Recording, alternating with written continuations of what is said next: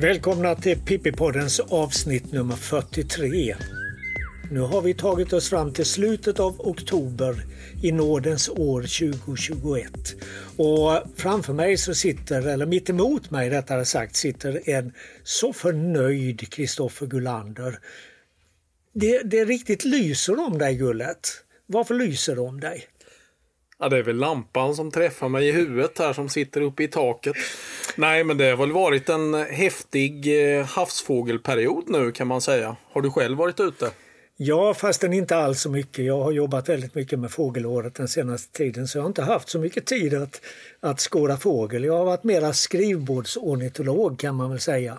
Men en liten, liten bit av kakan har jag allt fått smaka alltså. Så det, mm. Ja, det är ju verkligen svårt att låta bli när man bor på västkusten och det blåser i knutarna. Ibland är det nästan lite jobbigt så här. Nej, blåser det västvindar? Jag kan inte koncentrera mig på något annat. Jag måste ut. Kan det inte sluta blåsa så att jag kan jobba och leva ett vanligt liv igen. Det är tur att det inte är så hela tiden, eller hur? Nej, men å andra sidan så har vi ju pratat de senaste höstarna om att det har blåst alldeles för lite. Och så nu när det verkligen blev bra väder, då, då sitter du här och klagar över det. Nej, verkligen inte. Jag jobbade ju här om veckan och då dök det upp en eh, spetsbergsgrissla nere i Mellbystrand och det sträckte en förbi Hovs hallar med. Det är ju sådana här utmärglade fåglar som har kommit in i Sverige nu. Och det är ju både häftigt och sorgligt på samma gång. Men mm. jag vet att jag hade tagit bilen till jobbet den dagen men jag hann inte köra ner för att titta på den. Men Dagen efter blev det desto bättre. Han du ja. med någon spetsbergsgrissla? Nej, det, det fanns inte någon möjlighet utan det var eh, fågelåret för min del eh, som gällde hela tiden. Eh, men eh, vi, vi, kanske först ska uppe, uppehålla oss lite grann vid det som har varit så roligt de här dagarna. För det har ju varit en mycket havsfåglar trots att vindarna inte har varit så där exceptionella. Det har blåst, eh, ja ja, kanske inte måttliga vindar. Det har blåst friska vindar men det har ju inte varit någon storm att tala om. Knappast ens någon kuling egentligen. Men ändå så har det ju alltså varit mycket fåglar och, och ett stort utbud och många arter också. Ja, det har ju varit så att det har blåst eh, hårda västvindar som sagt som sen har vridit över i nordvästvindar. Och det gör ju att eh, många av de här havsfåglarna kan hamna i Laholmsbukten och då kan man ju stå på diverse utposter för att försöka se de här havsfåglarna som Mellbystrand och Skummeslövstrand och Båstad hamn och, och Yttre Kattvik och Hovshallar exempelvis. Mm. Och sen kan de ju komma ner i Skäldeviken också. För det är väl just vid nordvästvindar som koncentrationen blir så stor där nere i den hörnan av Laholmsbukten och i Skäldeviken naturligtvis. Ja, precis. Och då får det gärna ha blåst på i några dagar mm. med för att det ska kunna komma fågelarter som exempelvis eh, klykstjärtad stormsvala och tärnmås. Mm. För det vill jag nog hävda att av erfarenhet så kan jag nog säga det att när det blåser nordvästvindar så är det kanske inte meningslöst men det ger sällan något gott utbyte att stå längs Hallandskusten i övrigt, alltså längre upp i, på Gubbanäsen eller vid Glommen eller Busör eller Tulludden. Där, där är det magert i nordvästvindar. Ja, här ska det ju helst vara sydvästvind. Eh, mm. Både på våren och på hösten. Som i princip alltid levererar roliga fåglar skulle jag säga. Mm. Och en av de där fåglarna ni fick se när ni var ute nu i den gångna helgen, det var ju en sån där veritabel drömmat. Det är väl möjligtvis spetsbergsgrisslan också. Lunnefågel är naturligtvis också en drömmat nu för tiden. Förr var det ju mer lunnefåglar. Men vad är det jag tänker på? Den där lilla, det där lilla trollet. Ja, du tänker förstås på stormsvala. Ja, det var ju så att vi var på plats i Yttre Kattvik. Jag åkte med en kompis dit. Så att vi var på plats alltså en timme innan solen gick upp för att vi skulle få plats på den där parkeringen.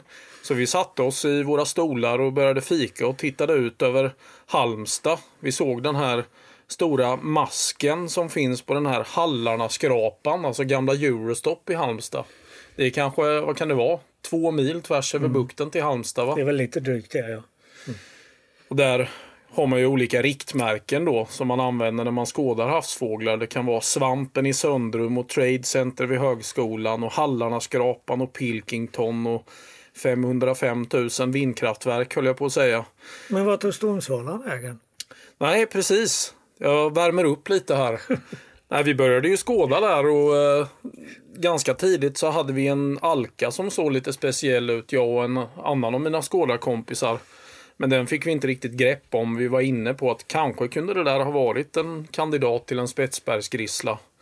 Och sen kom en svartnäbbad islom och flög ut ur bukten eh, ganska tidigt, som ganska många fick se. Men sen helt plötsligt då så stod vi och spanade. Det var ganska tyst liksom och lite nerslöat just då kändes det som.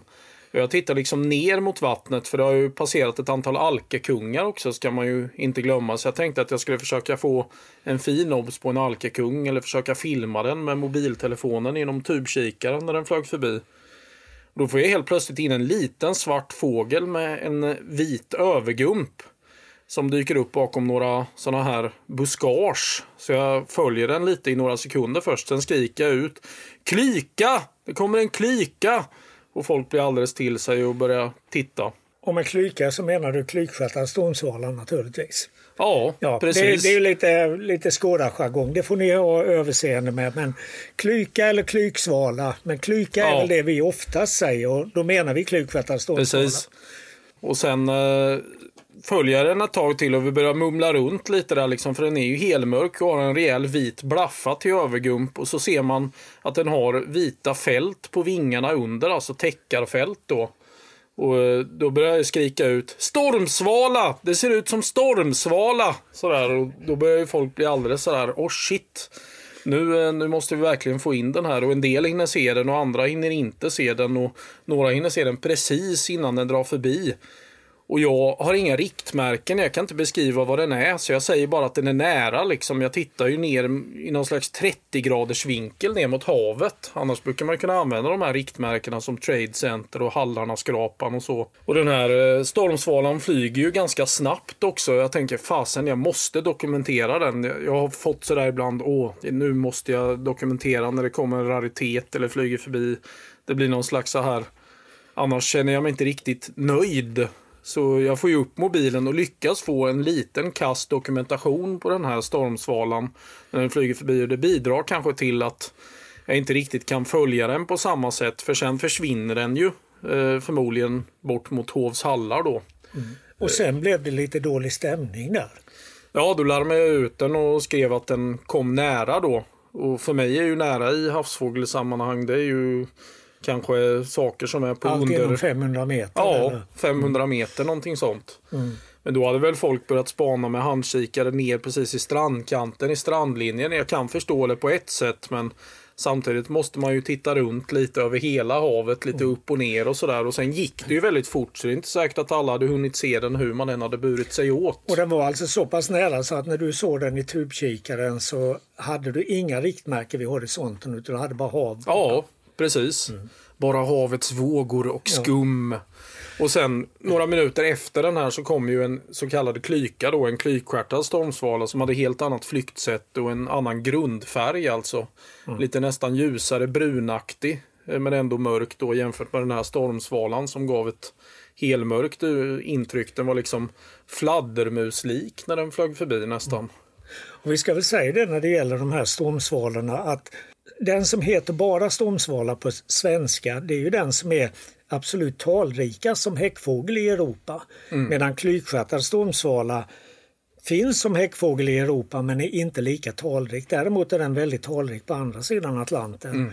Och eh, vi tror ju i i alla fall vissa år att många av de klykstjärtade stormsvalor som vi ser här kommer faktiskt från andra sidan Atlanten. Så var det vid den här beramade havsfågelhösten 1997 mm. då det var samtidigt tror jag över 400 klykstjärtade stormsvalor i Laholmsbukten vid något tillfälle.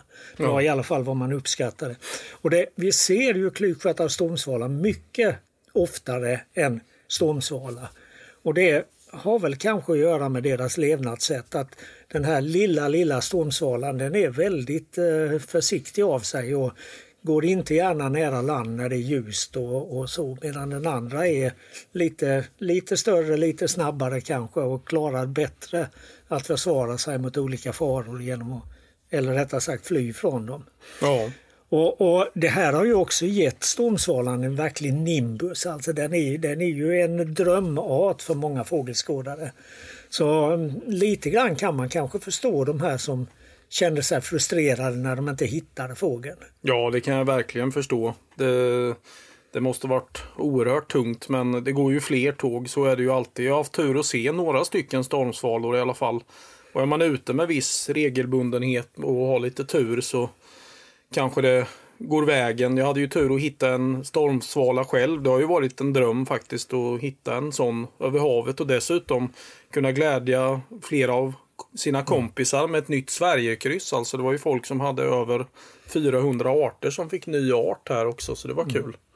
Ja det verkar ha varit ett riktigt eh, kryssar, eh, en kryssarfestival ja. i Laholmsbukten de här dagarna här i slutet på oktober. Ja, det rastade ju en lunnefågel nere i Båstad med. Det är ju inte så vanligt att se. Jag vet du hittade ju en på vintern här för snart eh, ja, drygt tio år sedan som låg ute i Påarp.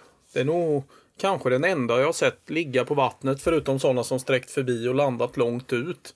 Men den här låg ju väldigt nära och mm. tillät sig filmas och jag filmade den och den var uppe och flaxade lite och sådär. Så det var ju många som fick se den och så var det en tärnmås och en dvärgmås som låg i strandkanten där och skvalpade runt och kivades för, med varandra. Den här tärnmåsen simmade efter dvärgmåsen. Nej, nej, nej, nu får du inte komma för nära sådär. Det var nästan så här komiskt och så kom det sådana här eh, liksom folk som var ute och gick på eh, promenad med sina hundar och sådär och undrade vad vi tittade på. Man pekade ut den här lunnefågeln och tärnmåsen liksom mitt i Båstad i det här. Och sen så var båda islomarna sågs under, under de här dagarna. Både vitnäbbad islom och svartnäbbad islom. Ja. Och Alkekung har du ju nämnt. Ja, Alkekung simmade ju runt där i hamnen. Simmade mm. precis förbi någon pir. Alltså det är som att de är de är någon slags ihoptryckt version av eh, en större alka på något sätt. Man kan ju nästan kalla dem för alkunge höll jag på att säga. Ja, men det är en väldigt, väldigt uh, mysig liten fågel, alkekung, tycker jag. Det, man blir glad var gång man ser en sån. Ja, det blir man, man ju. Vad man däremot inte har blivit så glad över de här dagarna och det är ju någonting som ofta hänger samman med såna här fina havsfågeltillfällen. Det är att en hel del fåglar är i dålig kondition. Mm. Och den här gången så är det ju framförallt sillgrisslor. Eh, jag vet inte hur många telefonsamtal jag har fått den senaste tiden från människor som har hittat sillgrisslor några har trott att det, att det har varit pingviner som de har haft mm. besök av. Det var en som ringde och sa att jag har en pingvin i min trädgård. Ja. Och, och, det var ju en sån här helt avmagrad sillgissla. Ja, man kan ju se såna här skräckupplevelser med. Jag vet på, nu när jag har jobbat på Jätterön, det var ju en sillgrissla som några kråkor hittade i en vattenhåla på strandängarna där. Så de fick ju upp den därifrån och då var det naturligtvis en havsörn som fick syn på det här direkt då. Så den kom ju och tog den här sillgrisslan och började äta upp den. Och en annan gång var det en sillgrissla då som mer eller mindre blåste in på reservatet och den tog sig i princip ut därifrån. Men det var som att Saurons öga såg den för då var det en pilgrimsfalk som såg den som började flyga efter den så. Och nej, nu kommer pilgrimsfalken och vi bara snart blir den pilgrimsfalks mat. Men då lyfter helt plötsligt en havstrut och hinner ta den före pilgrimsfalken. Oj. Så det var som någon slags actionfilm där när den hade lyckats lämna reservatet. Så det, mm. det är lite plågsamt att se det där även om det är naturens gång såklart. Och när man nu tittar tillbaka här lite grann så visar det sig att redan på sensommaren så hade man tecken på eh, havsfågelsvält på brittiska öarna. Och tidigt på hösten så hade man eh, eh, på, längs den sydnorska kusten så hade man ett, eh, alltså i, det drev i land en massa döda sillgisslor eller utmattade sillgisslor. Och ännu lite senare så nådde det här till Jyllands västkust och nu så här på senhösten så har vi det här. Och man tror ju, det finns ju olika teorier om vad, vad det här beror på, men man tror att en viktig anledning är klimatförändringarna som har gjort att ett helt ekosystem har förskjutits norrut i, i Nordsjön och Nordatlanten. Men man är ju också rätt så övertygad om att utfiskning spelar en roll, alltså att det är omfattande industrifisket efter sådana här ja, icke-matfiskar tobis och annat i, i eh, Nordsjön har haft en, en negativ inverkan på de här fåglarna. Ja, jag har hört att eh, många lunnefåglar matas med skarpsill istället för tobis och den är inte riktigt lika fet. Så Nej. det Nej, det, och det, det, har en negativ effekt på ungarna då, alltså att de inte får tillräckligt, eh, tillräckligt med mat alltså. Och inte tillräckligt näringsrik mat. Nej. Och det, det, vi, vi, kan ju tycka liksom fisk som fisk, det spelar väl ingen roll.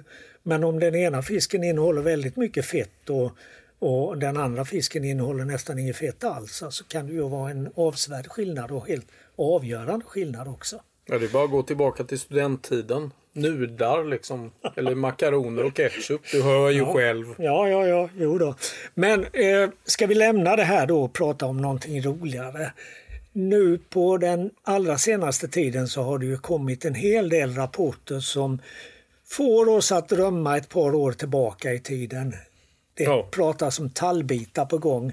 Och det var ju en fantastisk upplevelse för två år sedan när vi hade väldigt mycket tallbitar här på senhösten och sen in genom vintern också. Ska vi våga hoppas på det, att även vi i Sydsverige ska få uppleva tallbit igen? Det visade sig ju faktiskt redan häromdagen den 24 eh, oktober att en tallbit sträckte förbi Simlångsdalen här i Halmstads inland. Så eh, vem vet, de kanske är på gång. Jag tänker lite de här västvindarna som har varit nu. Kan de göra att det blir färre tallbitar här på västkusten? Att de kommer längre österut istället? Eller? Ja, jag vet inte. Det har ju inte varit några sådana här väldigt starka vindar och vindarna har ju avtagit markant in över land också så nej, jag tror inte det.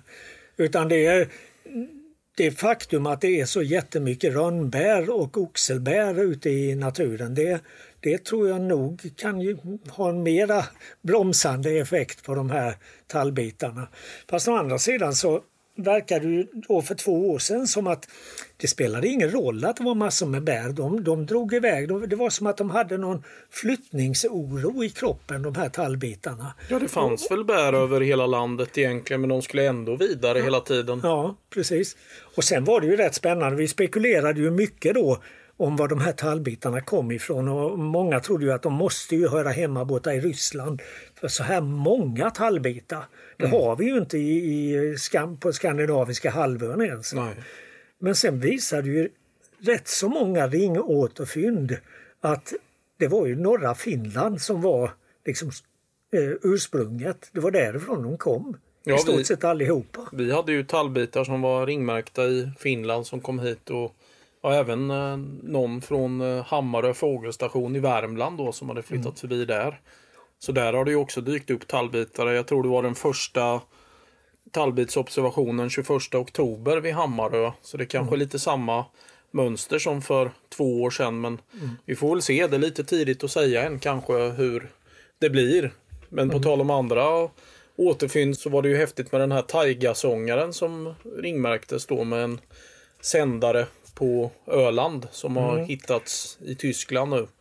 Ja, det är, det är ju väldigt spännande det här Taigasångarprojektet alltså som syftar till att försöka utröna varför denna lilla sibiriska sångare varje höst invaderar Västeuropa. Och om det här bara är någon sorts vandring mot en säker död ute i Atlanten eller om det handlar om att de håller på att lägga om Eh, vägarna och övervintringsområden och så vidare. Det kan ju, kan ju bli så när en fågelart expanderar väldigt mycket.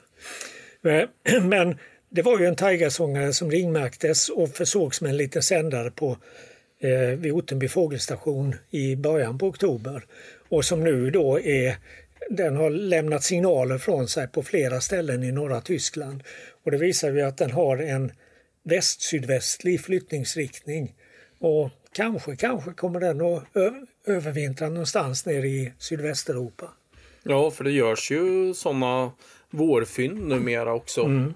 Och det fanns ju en, en taigasångare här om året som blev ringmärkt i en park tror jag det var nere i södra Spanien och som sen dök upp i samma område året därpå. Så eh, i, i dess fall var det ju ingen tillfällighet utan den återvände ju dit till det området. Nu när vi pratar taigasångare kommer jag ju på att jag har faktiskt inte sett någon taigasångare i år. Det känns ovant. Det börjar kanske bli för sent. Har du ja, sett ja, någon? Ja, faktiskt. Alltså, jag har ju problem med min hörsel och det har jag haft i ganska många år. Och det, det, det, har man en hörselskada så blir det ju inte bättre med åren. Och, och, eh, men faktum var att när jag skulle ut och gå en runda hemma så hör jag det här mycket karaktäristiska locklätet från en taigasångare inifrån min grannes trädgård. Och då stannade jag och plockade upp telefonen ur fickan och tog fram Fågelguiden och så spelade jag upp det här lätet.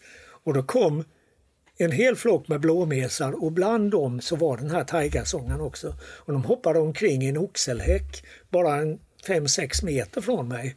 Och det var rätt festligt och den lockade hela tiden. Häftigt. Ja. Det är ju verkligen urläckert att spela fram dem på det här sättet på hösten då. Men eh, annars kanske man ska vara lite restriktiv med uppspelning av fåglar under häckningstid och så. Men det här är någonting annat eller?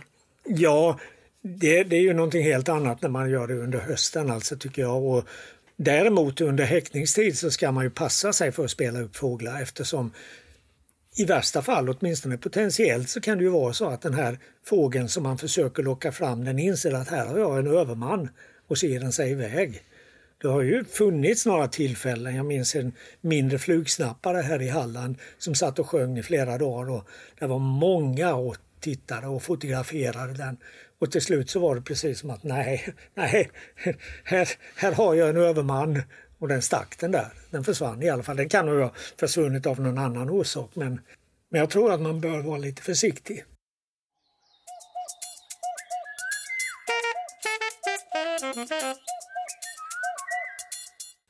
Ja, nu har vi pratat mycket om eh, havsfåglar och om tallbitar.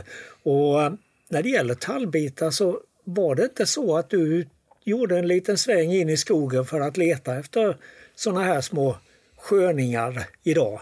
Jo, jag tog en liten chansning eh, in på Långhultamyrens naturreservat innanför Simlångsdalen. Alltså... Uppe på sydsvenska höglandet, nära gränsen mellan Halland och Småland kan man väl säga.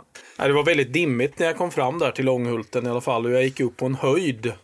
Och jag tänkte att oj, här kommer det inte hända så mycket. Men då hörde jag faktiskt lite yschande och pyschande läten och bubblande läten från myren och det var ju orrtuppar som spelade.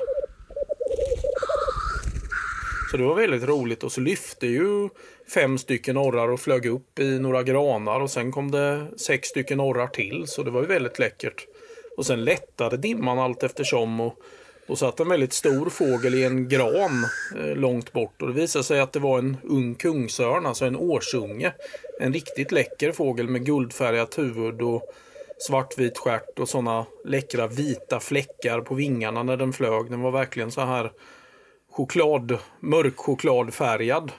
Så då tänkte jag lite på det här också, den här kontrasten med skådningen. Ena dagen står man och tittar på lunnefåglar, stormsvalor och tärnmåsar och sen nästa dag är man inne i skogen och tittar på orre och kungsörn och hör när bergfinkar flyger över och domherrar pjuar.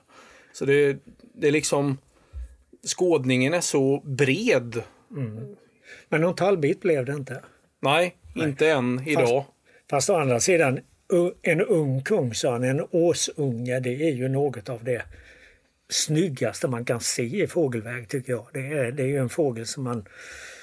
Ja, jag, jag får ståpäls när jag ser unga kungsörnar för jag tycker de är så väldigt, väldigt vackra. Alltså. Ja, otroligt respektingivande. Det var ju ett gäng korpar som försökte ge sig på den men den brydde sig ju ingenting. Den tittade ju runt lite och tänkte jaha, mm. ungefär. Mm. Ja, nej, det är en väldigt, väldigt fin fågel. Men eh, jag var som sagt, eh, eller som jag sagt tidigare, inte ute. Och jag har inte varit ute särskilt mycket eftersom jag har varit skrivbordsornitolog. Men det, det, har ju sina fördelar ibland också för att det händer ju att man sitter och letar efter saker och numera så letar man ju väl så mycket på nätet som i sin egen bokhylla. Och när jag satt och letade på nätet så stötte jag på en bok som heter Common and Spotted Sandpipers av en eh, man som heter Phil Holland. Och Common och Spotted Sandpiper det är alltså om drillsläppor och fläckdrillsnäppor. Och det här visade sig vara väldigt, väldigt spännande. Man brukar ju säga att man ska inte uppfinna hjulet två gånger. Det räcker med att det är gjort en gång. Men om vi tittar på evolutionen och evolutionshistorien så verkar det som i alla fall i fågelvärlden så har hjulet uppfunnits gång på gång på gång på gång. Och det jag menar nu, eller det jag tänker på nu, det är att hos en del vadare så är det ju honan som står för spel och inviter och sen är det hannen som får vakta ungarna och stå vid spisen och göra slavgörat kan man säga. Och det här finns hos fjällpipare, det finns hos jakanor, det finns hos simsnäppor och det finns hos fläktdrillsnäppan. Däremot inte hos drillsnäppan.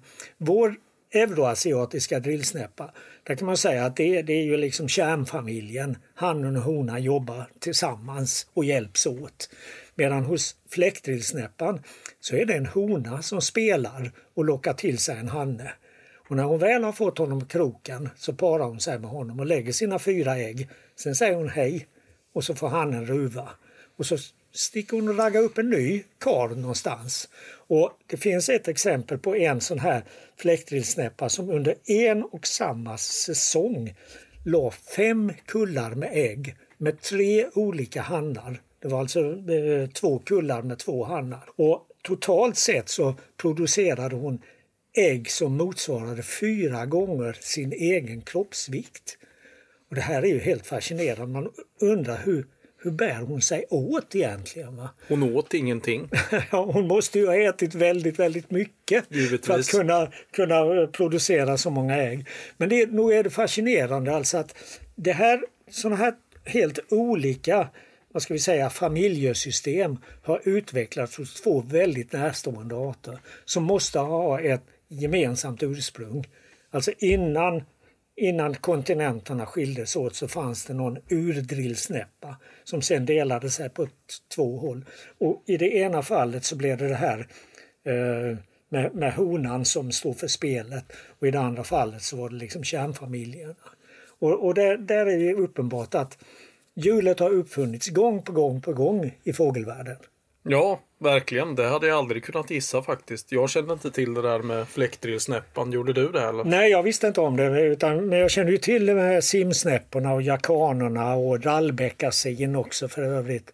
Det är, ju, det är ju arter som inte finns i Sverige, jakaner och rallbeckasin. Men, men fjällpipar och simsnäppa har vi ju här. Och sen, sen så har vi ju flera andra vadare som skogssnäppa och svartsnäppa och även storspov där honorna i och för sig hjälper till att ruva men där de ofta sticker när äggen kläcks. Så att det, det, det räcker med att det är en förälder som vakar över ungarna. Ungarna hittar ju sin mat själva. Och, och det, det, förälderns roll är ju mest att varna, eller dels att ta, ta med sig ungarna till ett bra ställe där det finns mat men sen också hålla vakt och varna när det kommer en fara. Sen finns det ju andra arter som pungmes, alltså deras hannar kan ju röra sig på, till flera olika platser, alltså ganska långt bort och para sig med olika honor. Ja. Det är också ett intressant beteende. Men, men, är det inte så att ibland så är det honan som sticker hos pungmesen? Det verkar ju vara ingen ordning alls hos den fågelarten. Nej. Om jag har förstått det rätt alltså. Det, det, det, det finns ju en massa sådana här väldigt, väldigt speciella parningssystem hos fåglar. Alltså där, där det, antingen hannen eller honan ger sig iväg och, och, och ger sig ut på fria stråt medan den andra partnern får, får liksom stå för hårdgörat och, och slita ont. Ja, hos eh, simänder är det väl också väldigt speciellt hur honorna och hannarna beter sig. Mm. Ja, hannarna är ju egentligen bara intresserade av att para sig. När de har gjort det så sticker de. Och sen är det honan som ruvar. Och var det inte så någon gång i Pippipoddens ungdom att vi pratade om tuvsnäppor? Och att eh, tuvsnäppor, där är det ju tvärtom. Där är det ju hannar som far omkring och spelar på en massa olika platser och parar sig med olika honor. Och sen så bryr de sig inte ett dugg om resten. Utan det är honan som får vakta ungarna där.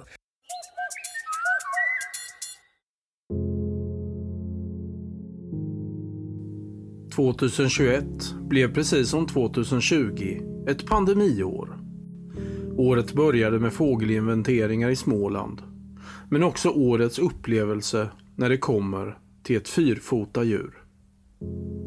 Vår katt väckte oss vid 03.15 och en annan katt chockade oss klarvakna vid 04.56. Det var den 21 april vi kom körande på en skogsbilväg på väg ut i Tjäderskogen i östra Småland när Frida plötsligt bromsade in och utbrast Va? Vad fasen är det där? Vi stirrade in i två intensivt lysande ögon som stirrade tillbaka på oss i helljuset ett femtiotal meter bort. Efteråt sa vi båda två att vi inte kunde minnas att vi sett ett par djurögon som har lyst så starkt tidigare. Jag famlade fram en kikare i baksätet och tittade rakt in i detta utomordentligt otroliga djurs ögon. Tiden stannade till och poletten började sitt fall. Långa bakben och ett sätt att röra sig som var helt obekant. Det är ju... Det är ju för tusan ett lodjur utbrast vi, mer eller mindre i kör. Lon är lika förvånad som oss och tappar sitt byte, som fortfarande är vid liv och börjar springa iväg. Vi kan inte riktigt se vad. Kanske en stor gnagare. Lodjuret måste fånga in bytet innan den följer vägen bort runt kröken. Lodjurets korta svans med den svarta tofsen i vädret var det sista vi såg när den strosade in i skogen. Hela förloppet tog nog bara 30 sekunder. Men det var som att den där halvminuten delade livet i ett före och ett efter. Sedan kom hösten och den där fågelupplevelsen som innehöll allt. Det oväntade, icke förväntade. Den där rysningen som gick genom hela kroppen vid upptäckten. Stressen att få till en dokumentation och glädjetjuten efteråt. Insikten om betydelsen av en sån här upplevelse i livet när alla bitar faller på plats. Vi åkte ut så att vi var på plats en timme innan det skulle vara tillräckligt ljust för att skåda. Allt detta bara för att få en parkeringsplats vid det under stormar så välbesökta Yttre Kattvik i nordvästra Skåne. Vi var tvåa på plats vid 06.45 den 23 oktober. Vinden var inte så hård, men det hade blåst västliga vindar under flera dagar. Den här morgonen låg den på från nordväst under de första timmarna för att sedan mojna av. Hoppet fanns om att se den ovanliga alkan spetsbergsgrissla då ett par hade setts i Laholmsbukten dagen innan, varav en hade flugit in över land i stormen. Tubsvep efter tubsvep över ett hav som var både grönt, blått, grått, brunt och vitt beroende på hur solen ömsom kom fram och ömsom gick i moln. Tretåiga måsar och havssulor i horisonten i väster och Halmstad två mil bort i söder med byggnaderna som vi använder som riktmärken när havsfåglar flyger i bukten. Det kan låta ungefär så här. Grålira. Passerar Pilkington. Nu är den vid Hallarna. Jag tappade den. Nu ser jag den igen vid Biltemas lager. Silon i Halmstad hamn. Uppe. Nere. Uppe. Nere. Uppe. Framme vid svampen i Söndrum nu. Drar ut vid Kasunfyren. Förbi Tylön och så vidare. Det går ofta fort vid havsfågelskådning. Det är en spännande, svår, utmanande, underbar, frustrerande och fantastisk typ av fågelskådning. När allt går ens väg inser man att det är det enda man vill hålla på med. Den här dagen skulle vi få se både svartnäbbad islom, stormfågel, lunnefågel, alkekung, storlabb och klykstjärtad stormsvala som drog förbi skådarskaran västerut ut ur Laholmsbukten. Folk hade tagit sig till Kattvik från Skåne, Småland, Halland, Öland, Västergötland, Värmland, Gästrikland och säkert ännu fler platser i hopp om att havet skulle leverera någon tung havsfågelart. Jag kände emellanåt en känsla av att havsfåglarna började mattas av. Men så kom det hela tiden ändå något nytt. någon spännande alka på håll, en alkekung i strandlinjen, en sen silvertärna. Bergfinkar och vinterhämplingar som kämpade i vinden mitt i alltihopa. Något skulle ju faktiskt kunna hända. Termoskoppen med kaffe värmde min högerhand medan jag åt macka med min kalla vänstra. Energi behövdes i det intensiva spanandet.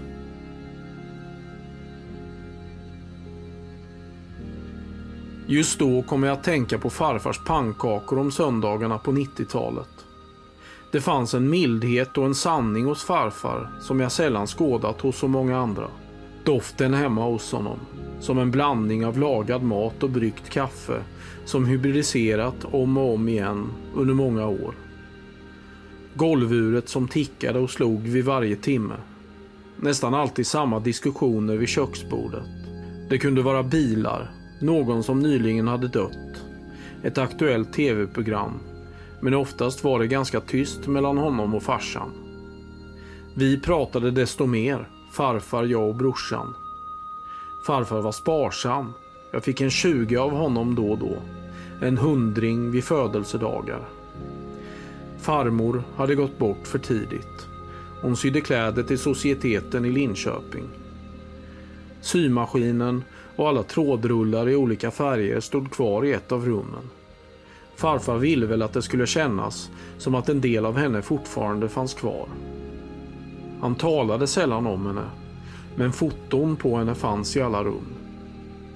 Tänk om jag hade haft några ihoprullade pannkakor i burken. Vad gott det skulle ha varit, tänkte jag. Efter mycket spanande långt ut över havet bestämde jag mig för att svepa med handkikaren nära land och sedan göra detsamma med tubkikaren. Just i den här perioden upplevde jag det som att folk var ganska tysta runt omkring och alla letade spännande fåglar lite varstans över havet. Jag hade nästan stannat med tubkikaren eftersom det just då kändes ganska lugnt. Men så svepte jag lite till åt höger med tuben. Sedan var det dags för en kopp kaffe till, tänkte jag. Just då stelnade jag till. Det var något som bröt mönstret. Något jag fick syn på som jag inte var så van att se. En liten mörk fågel flaxade västerut snabbt i tubkikarfältet. Den hade en stor vit blaffa till övergump. Jag tittade på den i ett par sekunder. Sedan ropade jag nästan slentrianmässigt. Klyka! Nära! För att göra folk uppmärksamma. Men jag visste redan när jag ropade ut den att något inte stämde. Det här var inte en klykstjärtad stormsvala. De är betydligt större, har en annan grundfärg, tydliga täckarband på ovansidan och en kluven stjärt. Folk runt omkring blev alldeles stirriga. Alla började famla runt bland mackor, kaffekoppar, mobiltelefoner och handskar som åkt på och av i kylan.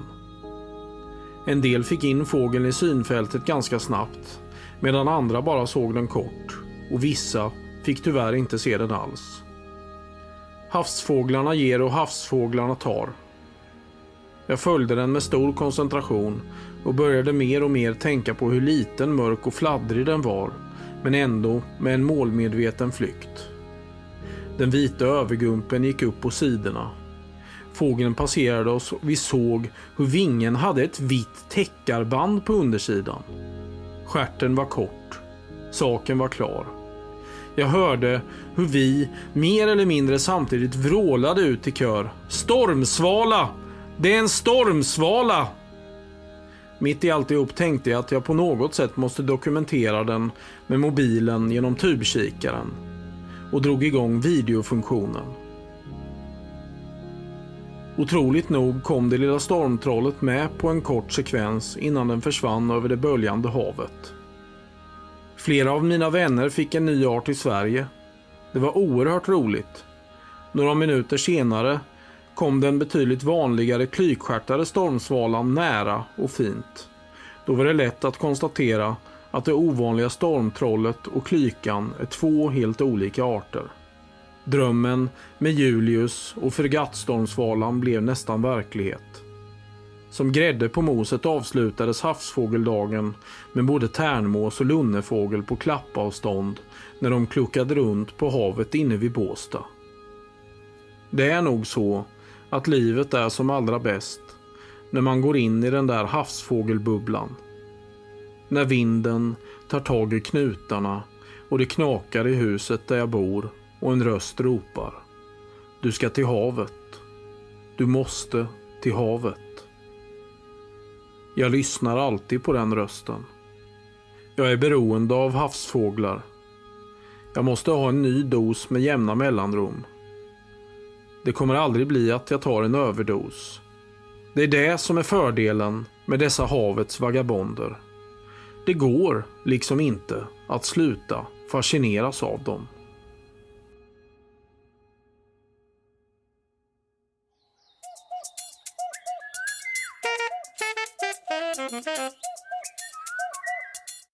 Men du, jag kommer tänka på en annan sak. Så här, vi har ju pratat en del om läten här och att spela upp ljud och så. När jag var ute och gick en morgon för en tid sedan bara för att få lite frisk luft under allt det här arbetet med fågelåret så kom jag och gick på Prins Bertil stig som det heter, en stig som går mellan Halmstad och Tylösand. Och vid, där det är en liten sumpskog där lät det som att de höll på att slakta smågrisar ute i, i eh, snåren. Och precis när jag stannade och lyssnade på detta så kommer det en äldre man och stannar och säger Vad är det som händer? Vad är det? Så sa jag, ah, det, det är ingen fara, det är bara vattenrallar. Och det där var ganska festligt alltså. Att, att vattenrallar de kan ju låta så väldigt underligt. Va? Och att folk som inte alls vet vad det här är, de, det är inte så konstigt att de, de står där som ett frågetecken och undrar. Ja, en skrikande gris liksom. Nej, alltså i början när jag började skåda fågel då, vi ska inte nämna några namn här, men då sa man att eh, släng en sten i vassen så låter vattenrallen eller ta en pinne och släng den. Så kanske man provade det och mycket riktigt så svarade ju vattenrallen då. Men de gånger vattenrallyn inte svarade, det var kanske då stenen hamnade någon annanstans. ja, jag tror jag inte är så stor risk alltså. Men, men, men eh, det, det, är ju, det är ju ett sånt här väldigt fascinerande läte. Och nästan på samma plats så var det en annan upplevelse. Och där går det en lång brygga ut i havet och, och inne vid den inre delen av bryggan så är det mycket vass. Och där stod jag och lyssnade när en annan person kom gående. Det var en, en medelålders kvinna som kom med en liten hund och så undrade hon vad är detta för konstigt ljud? Och det lät som du sa tjing, tjing. Så här inifrån vassen. Och då var det ju skäggmesar som höll på att klänga runt där. Och det är också en sån där ljud, ett, ett ljud som man, man tänker först, vad är detta för någonting? Ja, det är ju omisskännligt. Alltså på Jätterön har vi ju väntat på att det ska komma tillbaka skäggmesar i Vasshavet utanför naturen väldigt länge nu och det gjorde det ju nu i oktober. Det verkar ha rört sig en del skäggmesar. Mm. Men den här eh, vintern som var 2020-2021 den var ju väldigt kall. Så mm. det verkar som att många skäggmesar fick röra på sig eller rent av strök med då.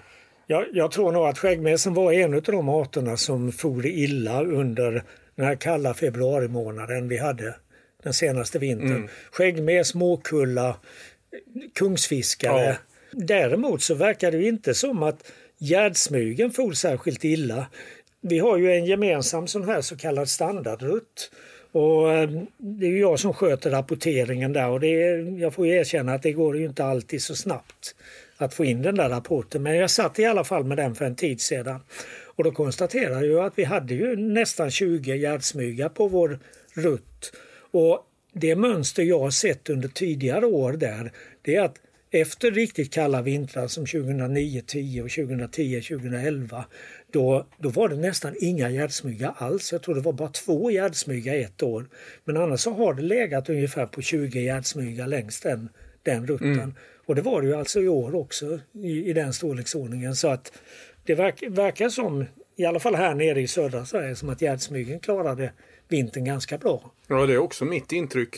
Men åter till skäggmes, där pratar man ju att på vintern kan de ju leva av frön och, och sånt och på sommaren äter de insekter. Men ibland hjälper det kanske inte om vädret blir riktigt kallt. Alltså då mm. kanske man inte ens hittar några fröställningar att äta på. Nej, och dessutom så måste de ju äta mycket för att hålla igång kroppsfunktionerna. Och sen så tror jag också att de utsätter sig för en del faror när de äter väldigt mycket, måste äta väldigt mycket och exponera sig för de sitter ju oftast i toppen på, på vassen. Mm. Eh, jag läste för många år sedan om eh, en studie man hade gjort i Vejlene i Danmark, alltså på norra Jylland, av just skäggmesa under kalla vintrar.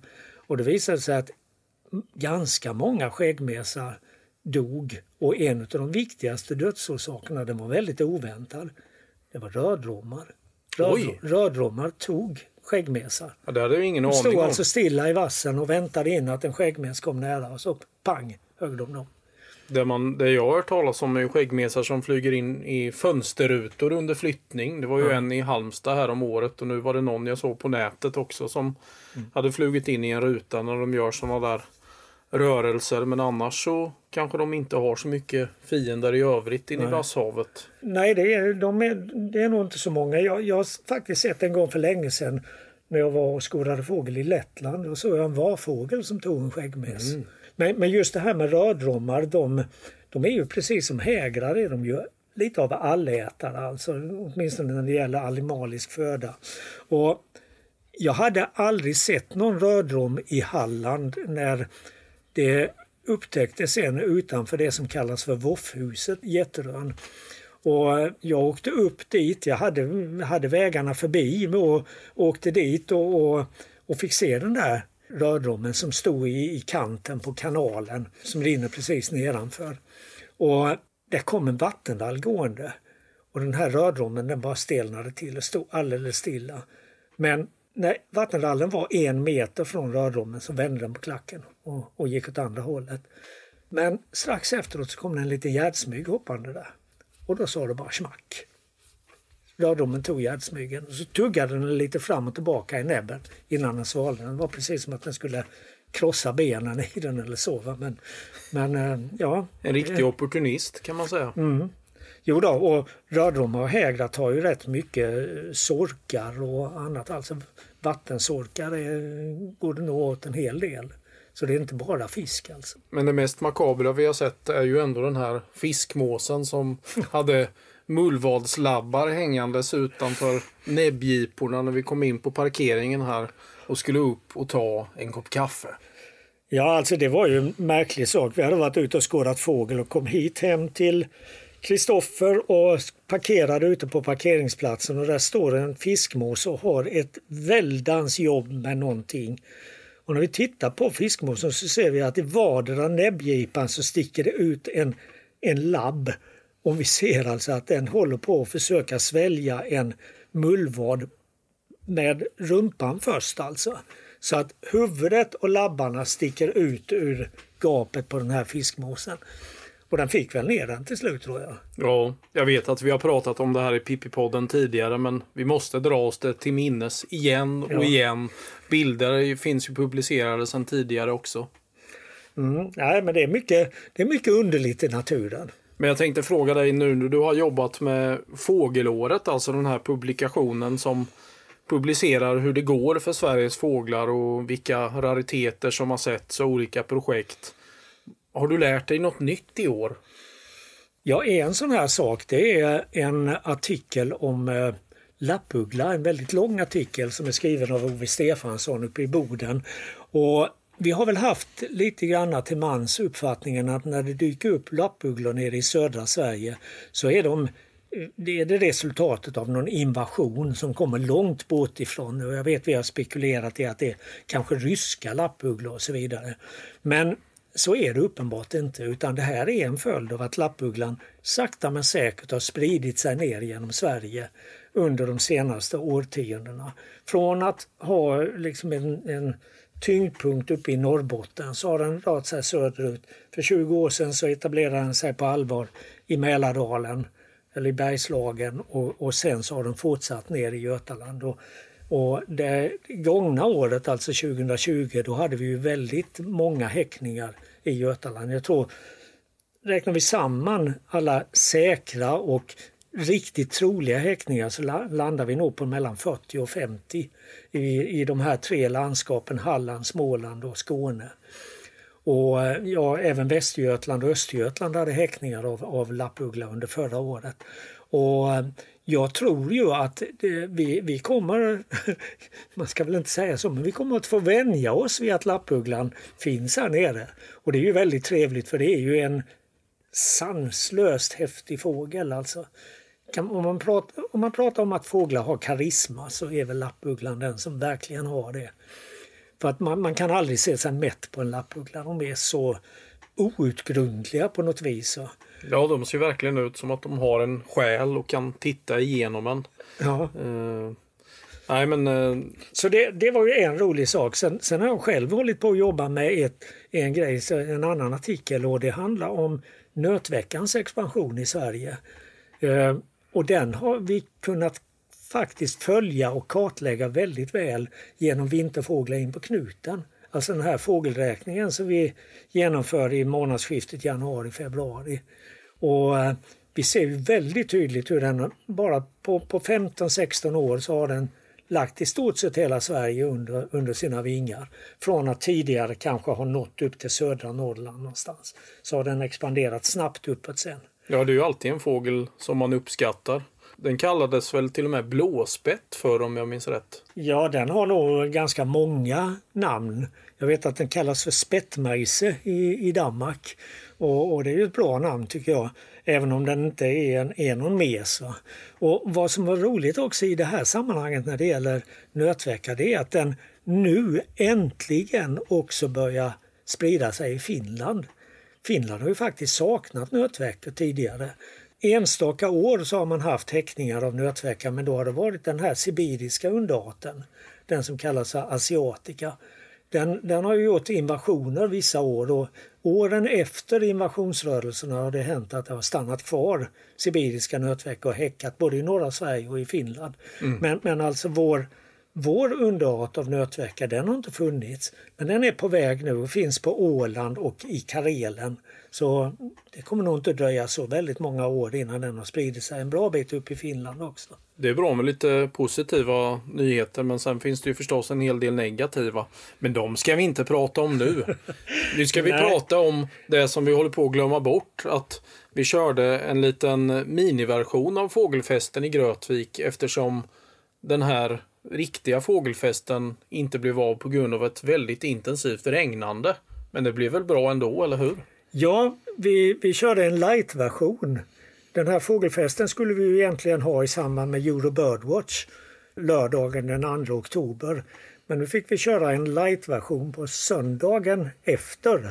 Och eh, ja, det blev, det blev ju bra. Det var mycket fågel och det var trevligt väder och, och ganska mycket folk trots att vi inte kunde annonsera som, som vi brukar. Ja, det var väldigt roligt och på en sån här ringmärkningsrunda som fångades både en dvärgsparv som kommer långt norrifrån och en brandkronad kungsfågel. Så båda de här fick mötas på bild, sydlänningen och norrlänningen. Så det är ju så på hösten att syd kan möta nord i sådana här tillfällen. Och sen träffade vi ju också Mattias Rundberg som är ansvarig för verksamheten, alltså ringmärkningen i Grötvik. Den här Grötviks fältstation som har hållit igång sedan 2002 där vi pratade om projektarter och allt kring den här verksamheten. Och så pratar vi även med Anneli Larsson om hur man ringmärker en fågel. Ansvarig för ringmärkningen i Grötvik är Mattias Rundberg. Och eh, Mattias, det är väl nästan lite av jubileum i år i Grötvik va? Jajamän, vi startade upp 2002 eh, eh, när jag flyttade hit faktiskt, fick arbete här och då, så nu blir 20 säsongen nu faktiskt. Ja. Och just den här dagen då det blev en fågelfest 2.0 eftersom vår egentliga fågelfest regnade bort eh, första lördagen i oktober så blev det ändå en ganska bra jubileumsdag. Va? Det är lite häftigt.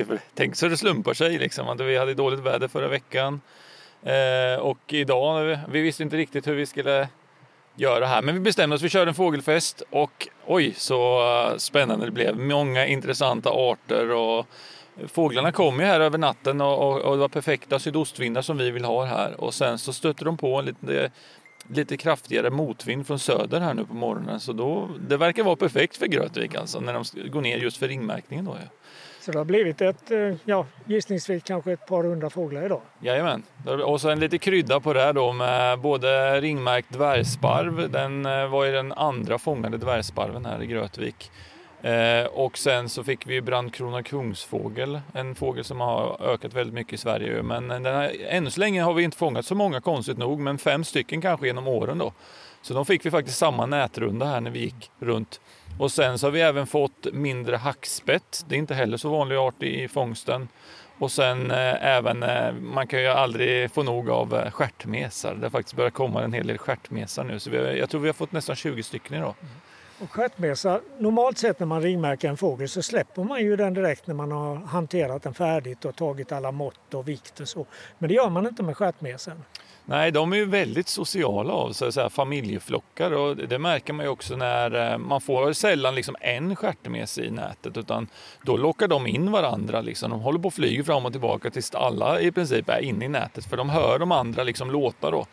Eh, och då när vi ska släppa dem också så märker vi allihop, lägger ner dem i en påse och sen så släpper vi dem socialt också så att säga, alla på en gång då. Så de får hålla kvar familjebanden då? Alltså. Jajamän, jajamän.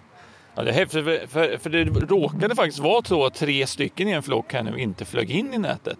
Men då hängde de här runt vårt ringmärkningsbord hela tiden. Anders eh, stod här och guidade faktiskt eh, under, under morgonen. När vi höll på med de här stjärtmesarna så då satt de andra bara en och en halv, två meter ifrån oss och tittade liksom under tiden.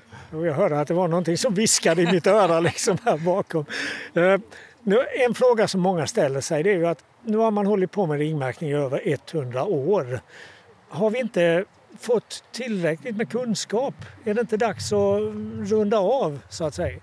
Det kan man kanske tänka, men, men vi har ju också ett, jag menar, vi har ett klimat som händer jättemycket, men vi har ju globala uppvärmningen som vi talar väldigt mycket om och liksom det här blir ju mer, eh, vad ska man säga, olika former av kontrollstationer också. Och vi vet inte egentligen allt vad all data kan användas till och vi har ju även det här med, om vi tänker bara det här med att hitta ringarna och så här, att vi har ju också kanske flyttvägar, mönster som ändras och det kan vi få syn på genom ringmärkningen så att säga. Mm. En sak som jag funderade över då, idag det var ju att vi hade ett, flera stycken lövsångare i fångsten. Och vi är ändå framme vid den 10 oktober när det här spelas in.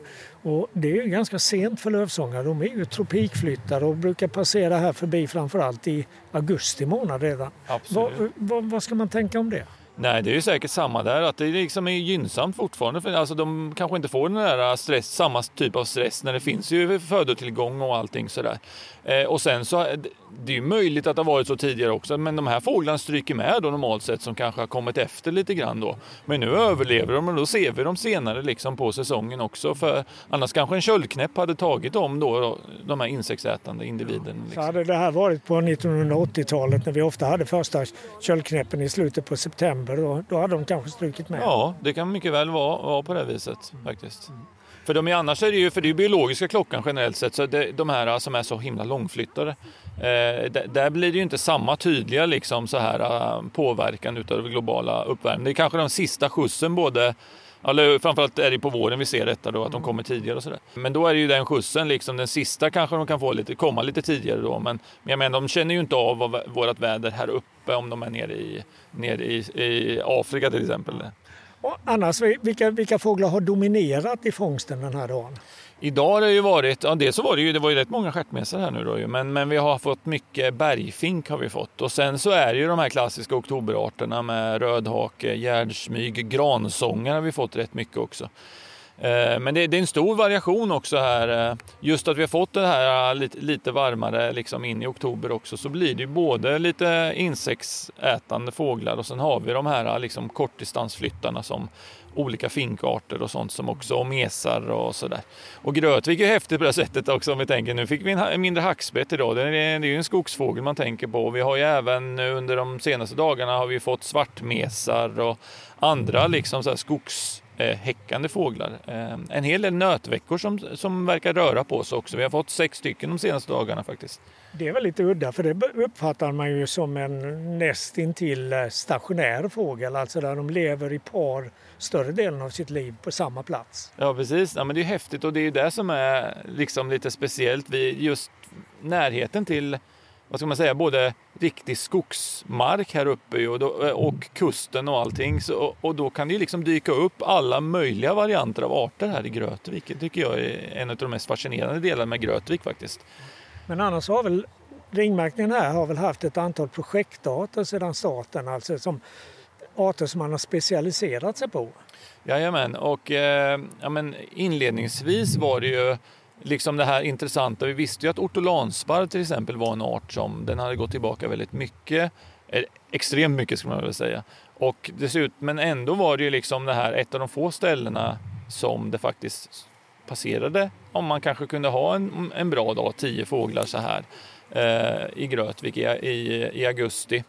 Men, eh, och då, så det var den ena projektarten. Och vi, men vi har bara fångat fem stycken genom alla år tror jag. Där. Men vi fick väl en förra året var det. Så då ja, det var väl bara här om året. Ja. ja, precis. Men annars så är det ju då, om vi tänker de här riktigt stora, om man kan kalla det för bulkarter som vi får, får väldigt mycket av, liksom, så är det ju trädpiplärka. Så får vi ju en stor empiri, väldigt stor data på det om man vill göra någonting på dem. Och även eh, järnsparv, ja vad är det mer nu? Ja, det är väl de. Ja, men det är väl framförallt... Trä, eh, trädlärka var väl ja, en projektart från början, men ja, det har visat sig vara väldigt väldigt svårt att fånga väldigt dem. svårt. Eh, jag vet att man kan få dem att komma ner på just med läte då, att man spelar deras sång, men de har ett väldigt, liksom, när de, de flyger också upp rakt upp. Så det är väldigt svårt att få dem i näten för de flyger upp och ner liksom på samma sätt. Rakt ner och rakt upp. Liksom. Så det är mycket så här som spelar in hur fåglar kan fångas och sådär. Eh, just där så kanske man hade behövt bygga, ha sådana speciella vadaburar och kanske lägga ut lite fröer och sånt. Men det har vi inte ägnat oss åt faktiskt. Så. Men, just när det gäller träpiplärka och järnsparv så har ni ringmärkt väldigt, väldigt många här genom åren. Ja, jag tror att vi är uppe i uh, ungefär 9000 på varje art där eh, närmar oss kanske till och med 10 000 eh, nu på de arterna. Då. Så då ligger vi ju på, ja det är ju bra många, alltså vi, det blir 500 åtminstone minst varje år. Men, men man kan väl säga under de 20 åren så har ju vår märkning accelererat lite under de senare åren också. Vi har ju märkt mer och mer här nu och vi har haft möjlighet och så. Några intressanta återfynd av de här två arterna? Ja, det finns ju rätt häftiga. Vi har ju faktiskt eh, återfynd av träpiplärka både i Italien och i Spanien och i Frankrike också. Ja. Så det är ju hela, från flera ställen längs med Medelhavskusten då. Och eh, ungefär på samma avstånd också, fast de har varit olika västligt och östligt så att säga. Det, det är riktigt häftigt. Man eh, tänker ja. den här i Italien, den hade kanske för avsikt att flytta genom, genom Italien och sen över Medelhavet och genom hela Sahara ner till vinterkvarteret i Västafrika. Antagligen är det ju så. Ja, de utsätter sig för olika risker beroende på vad man tar för vägar här såklart. Tar man vägen över Spanien så har man ju betydligt mycket kortare väg över till Afrika. Om man, om, framförallt om man följer med hela vägen ner till Gibraltar. Liksom. Men annars är det väl så att de flesta fåglar som passerar här förbi de är sydvästflyttare. De följer väst, Västeuropas kust och ner i, i Västafrika om de ska så långt.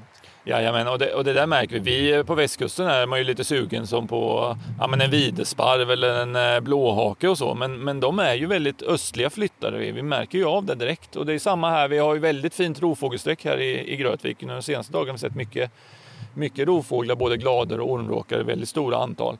Men eh, det är samma där, man står och... Här får vi verkligen leta efter en fjällvråk liksom. Det kommer lite då och då, men om man är på Öland till exempel, där är det ju väldigt stor andel fjällvråkar. Och det är samma där, de rör sig helt enkelt mer mot sydost och då hamnar de inte här hos oss. Och trots att ni nu har hållit på med den här ringmärkningen i 20 år så kan man räkna blåhakarna på ena handens fingrar. Jag tror att vi har fångat två stycken genom alla år faktiskt. så att eh, nej, det, de, de passerar ju inte. Så det ser vi ju även i fyndstatistiken i övrigt med, med liksom eh, folk, hur folk observerar blåhakar i, i, på, på västkusten i förhållande till hur det ser ut i... Jag är ju själv från ostkusten och där kunde man ju i, i, liksom i slutet på augusti, början på september Alltså man kunde åka ut till vilken vass som helst i, i kustbandet så hade man blåhaka. Alltså det var jättekonstigt. En art som är Grötviks symbolart som är på vår logotyp, det är? Ja, det är ju då nattskärra. Och det här är ju en oerhört speciell art kan man väl säga. Vad, vad, vad tänker du på när du ser det här med nattskärra liksom? Eh, utseendemässigt, levnadssätt och sådär Kristoffer, vad tänker du? Jag tänker att de eh, lever djupt kamouflerade i de svenska skogarna och att det känns väldigt märkligt att det faktiskt fångas en hel del nattskärror just här vid Dungen i Grötvik ute vid kusten mellan Halmstad och Tylösand. Eller vad säger du? Ja, ja men det, det, vi upptäckte det, det är ju rätt sent ändå som vi började fundera på det där och då, då blev det, vi pratade ju tidigare här, jag och Anders, om pro, projektarter så då sökte vi ju då möjlighet att fånga nattskärror här i Grötvik också. Och det har ju rullat på ganska bra. Vi har lärt oss mer om hur vi ska gå tillväga också. Så de senaste åren, om vi tänker bara i år och förra året, så har vi fångat eh, jag tror vi är uppe i 39 stycken bara på de här två åren. Då. 19 i år och 20 förra året. Och då märker vi att, både, att det är nattskärror här runt Dungen både på kvällen och eh, tidig morgon. Då. Ja, det måste väl ha fångats över 100 nattskärror här i Grötvik nu sammanlagt? Jag tror det är 119 faktiskt. Jag tror vi spräckte exakt, eller hamnade på exakt 100 förra året. Då. För annars är det ju de här tätaste populationerna med mest nattskärror finns ju i östra Småland. Men det måste ju ändå finnas en hel del nattskärror i Hallands inland också tycker man. Ja precis och det är ju, nu är jag inte så påläst men jag, kring just nattskärrornas flyttning så men min känsla är om man, att det är olika typer av populationer som är uppdelade också. Det, det vet jag att vi här observerar ju sällan någon in i oktober utan våra fåglar är ju verkligen liksom det är slut, eller från mitten på augusti till mitten på september, kanske några i slutet på september. Men åker man till Öland, jag har ju sett bilder därifrån nu, liksom, att, att de ser nattskärror där nu också.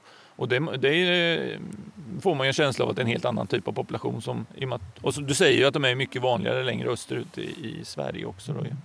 Rosenfink är ju en annan av eh, Grötviks projektarter. Hur eh, går det för rosenfinken? Ja, det är ju väldigt spännande. Om vi ser bara nu i år var det ju väldigt bra här i, i området kring Rötvik. Alltså det har varit några år här. Många, många fåglar som har hållit till här och det har varit häckning till och med inne i vår ringmärkardunge. Så jag, jag provade faktiskt i våras när jag märkte att nu kom det några rapporter om, om eh, rosenfinkar runt om i, i liksom här i, i södra Halland. Så jag var ute på en morgon och fick fem stycken faktiskt. Så det är ju, vi, vi tänker ju mest på Ringenäs och det området där då. Eh, där Kåre Ström håller på och har följt eh, rosenfinkarna väldigt länge. Och satt ljusloggers och allt möjligt på dem och kunnat se hela deras flyttning långt ner till Indien. Ja, visst. Ja, det är häftigt att vi har de här också. Om vi tänker, vi jämför det med andra arter här som, ja, men som har den här ostliga flyttningen så har vi ju generellt sett mycket mindre av dem här om man tänker på i östra Sverige då ju. Men rosenfinken verkar trivas just i området kring, eh, kring Halmstad här alltså. Ja, jag tycker att åker man ut så där redan i slutet på juli kan man ju ha rosenfinkar som rör sig här och redan förmodligen kanske en del individer på väg söderut. Men just i år så var det väl en rosenfinksfamilj här också va, om jag minns rätt? Ja, då, så vi fick ju både han och hona och ung, ungfågel. Då.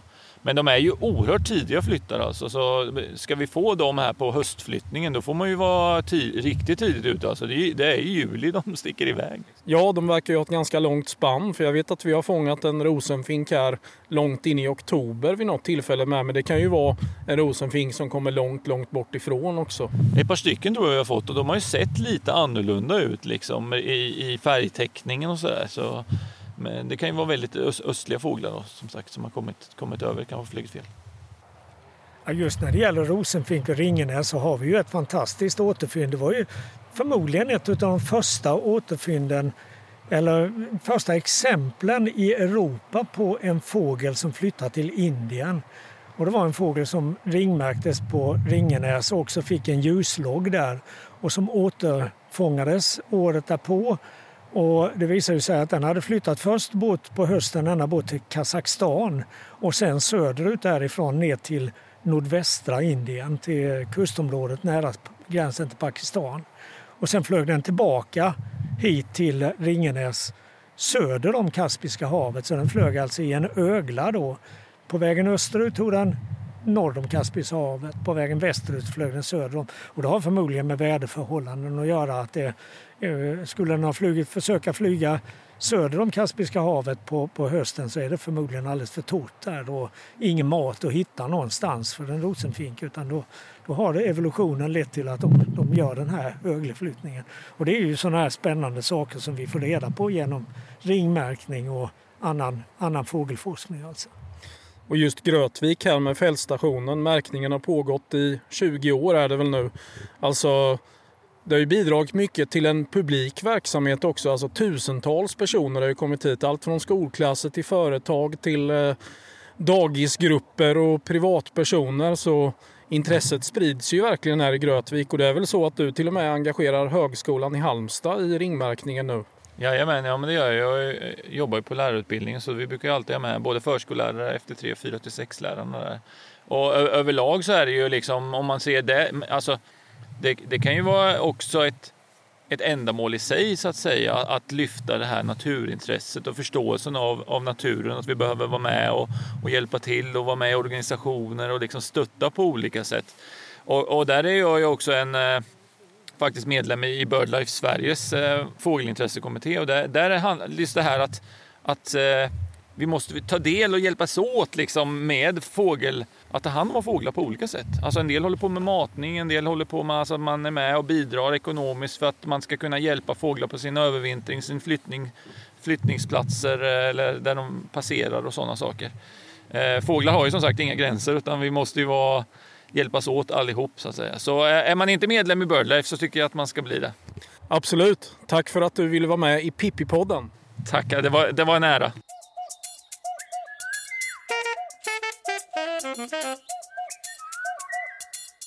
Idag medverkar Pippi-podden på Fågelfesten i Grötvik. Och jag sitter här med Anneli Larsson som precis har fångat en blåmes. Nu ska du berätta lite hur det går till när man ringmärker en fågel. Ja, trevligt att jag får vara med Kristoffer. Då har vi fått den här blåmesen och den ska få en eh, ring med slutsiffran 05 sätter man den runt högra benet. Och sen ska vi se hur gammal den är och då tittar jag på vingen. Och då ser jag att den är ganska så utfärgad så det ser ut som att det är en äldre fågel. Eller vad skulle du säga Kristoffer? En Absolut. äldre hona?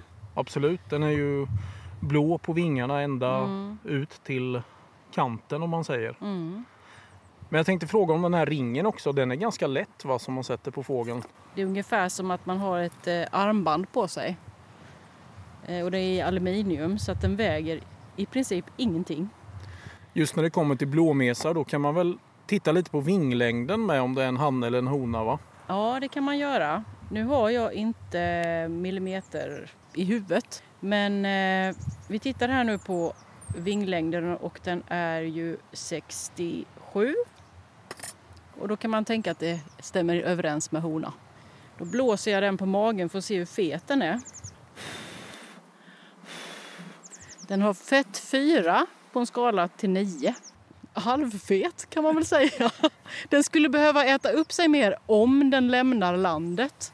Men som det är nu så klarar den sig fin med fett 4. De har ju ganska genomskinlig transparent hud och när fettet ser gult ut under den här huden. Och annars är de lite blålila. Eh, och nu kunde jag se att det fanns en del gult. Både på magen och på, i halsgropen. Då. Precis, nu har du alltså kollat vilken art det är, att det är en hona, du har mätt vingen och blåst fett. Vad ska mm. man göra mer? Nu ska vi väga den. Spännande. Då stoppar man den upp och ner i en liten burk. Och den här väger 10,7 gram. Precis lagom. Det är väl ungefär som en näve jordnötter va? Ja, det beror på hur stora nävar man har. Exakt. Och då ska du alltså släppa den här eh, blåmesen nu. Och ja. den kanske tillbringar vintern här i trakten, vem vet? Ja, det skulle jag nog tro. Mm. Då säger vi hej då till den. Hej då lilla blåmesen. Ja, nu har ni fått stifta bekantskap med Grötviks fältstation. Och Kristoffer, nu är vi framme sent på hösten. Det är snart vinter, om det nu blir någon vinter. Vad har vi att se fram emot i fågelvärlden Förutom tallbitar som vi hoppas på. Ett konstant mörker. Nej, jag, jag tror att eh, många blev inspirerade faktiskt av den här eh, nunnestenskvättan som hittades vid Morupstånge, Falkenberg, bara häromdagen. Att det är ett litet tecken på att det börjar bli senhöst. Alltså färre och färre fåglar ut med stränderna och i buskagen och i dungarna. Men kanske riktiga guldkorn. Jag vet att vi har pratat om det innan men det tål att sägas igen. Ut i markerna även på senhösten. Jag vet att man gör satsningar på Öland på olika platser och på Gotland hittas ju mycket kul och Norrlandskusten och öarna där uppe och kring Stockholms skärgård och Blekinge och Skåne med mera. Jag menar inte att jag ska prata om hela Sverige här, ingen nämnd, ingen glömd, men eh, det finns ju mycket kul att hitta. Eh, och sen är det ju även alla andra fåglar, alltså våra vanliga fåglar att se fram emot. Alltså mycket stora trastflockar med rödvingetrastar kan, kan komma snart och en hel del sidensvansar är ju alltid trevligt att Och se. så börjar det bli fågelmatningssäsong. Det är ju det är också kul. Ja, Ha lite liv utanför fönstret. ja, precis. Och det som jag ser fram emot kanske lite extra det är änder. Änder i Laholmsbukten. Jag vet att jag har tjatat om det många gånger tidigare men jag tycker det är så roligt alltså att eh, hålla på och titta på alla de här stora skarorna med svärtor och sjöorrar och bland dem så ligger det alltid lite svarthakedoppingar och det kan vara någon alfågel och så vidare. Och sen så är det ju alltid en utmaning att försöka hitta någonting udda i de här flockarna. De senaste åren så har vi hittat sibiriska knölsvärtor och amerikanska sjöorrar och vitnackad svärta också för den delen. Nu är ju utmaningen att även hitta en amerikansk knölsvärta. Tror du att vi lyckas med det? Ja, det är ju otroligt svårt, eh, men eh, det borde ju kunna gå att lyckas med inom den närmaste tioårsperioden om vi ska vara lite ödmjuka. Ja, nej men det, det, det finns en hel del fåglar att se fram emot även om vi nu går mot den allra, allra mörkaste tiden på året. Redigering av Frida Nettelblatt. Pippipodden produceras i samarbete med Studiefrämjandet.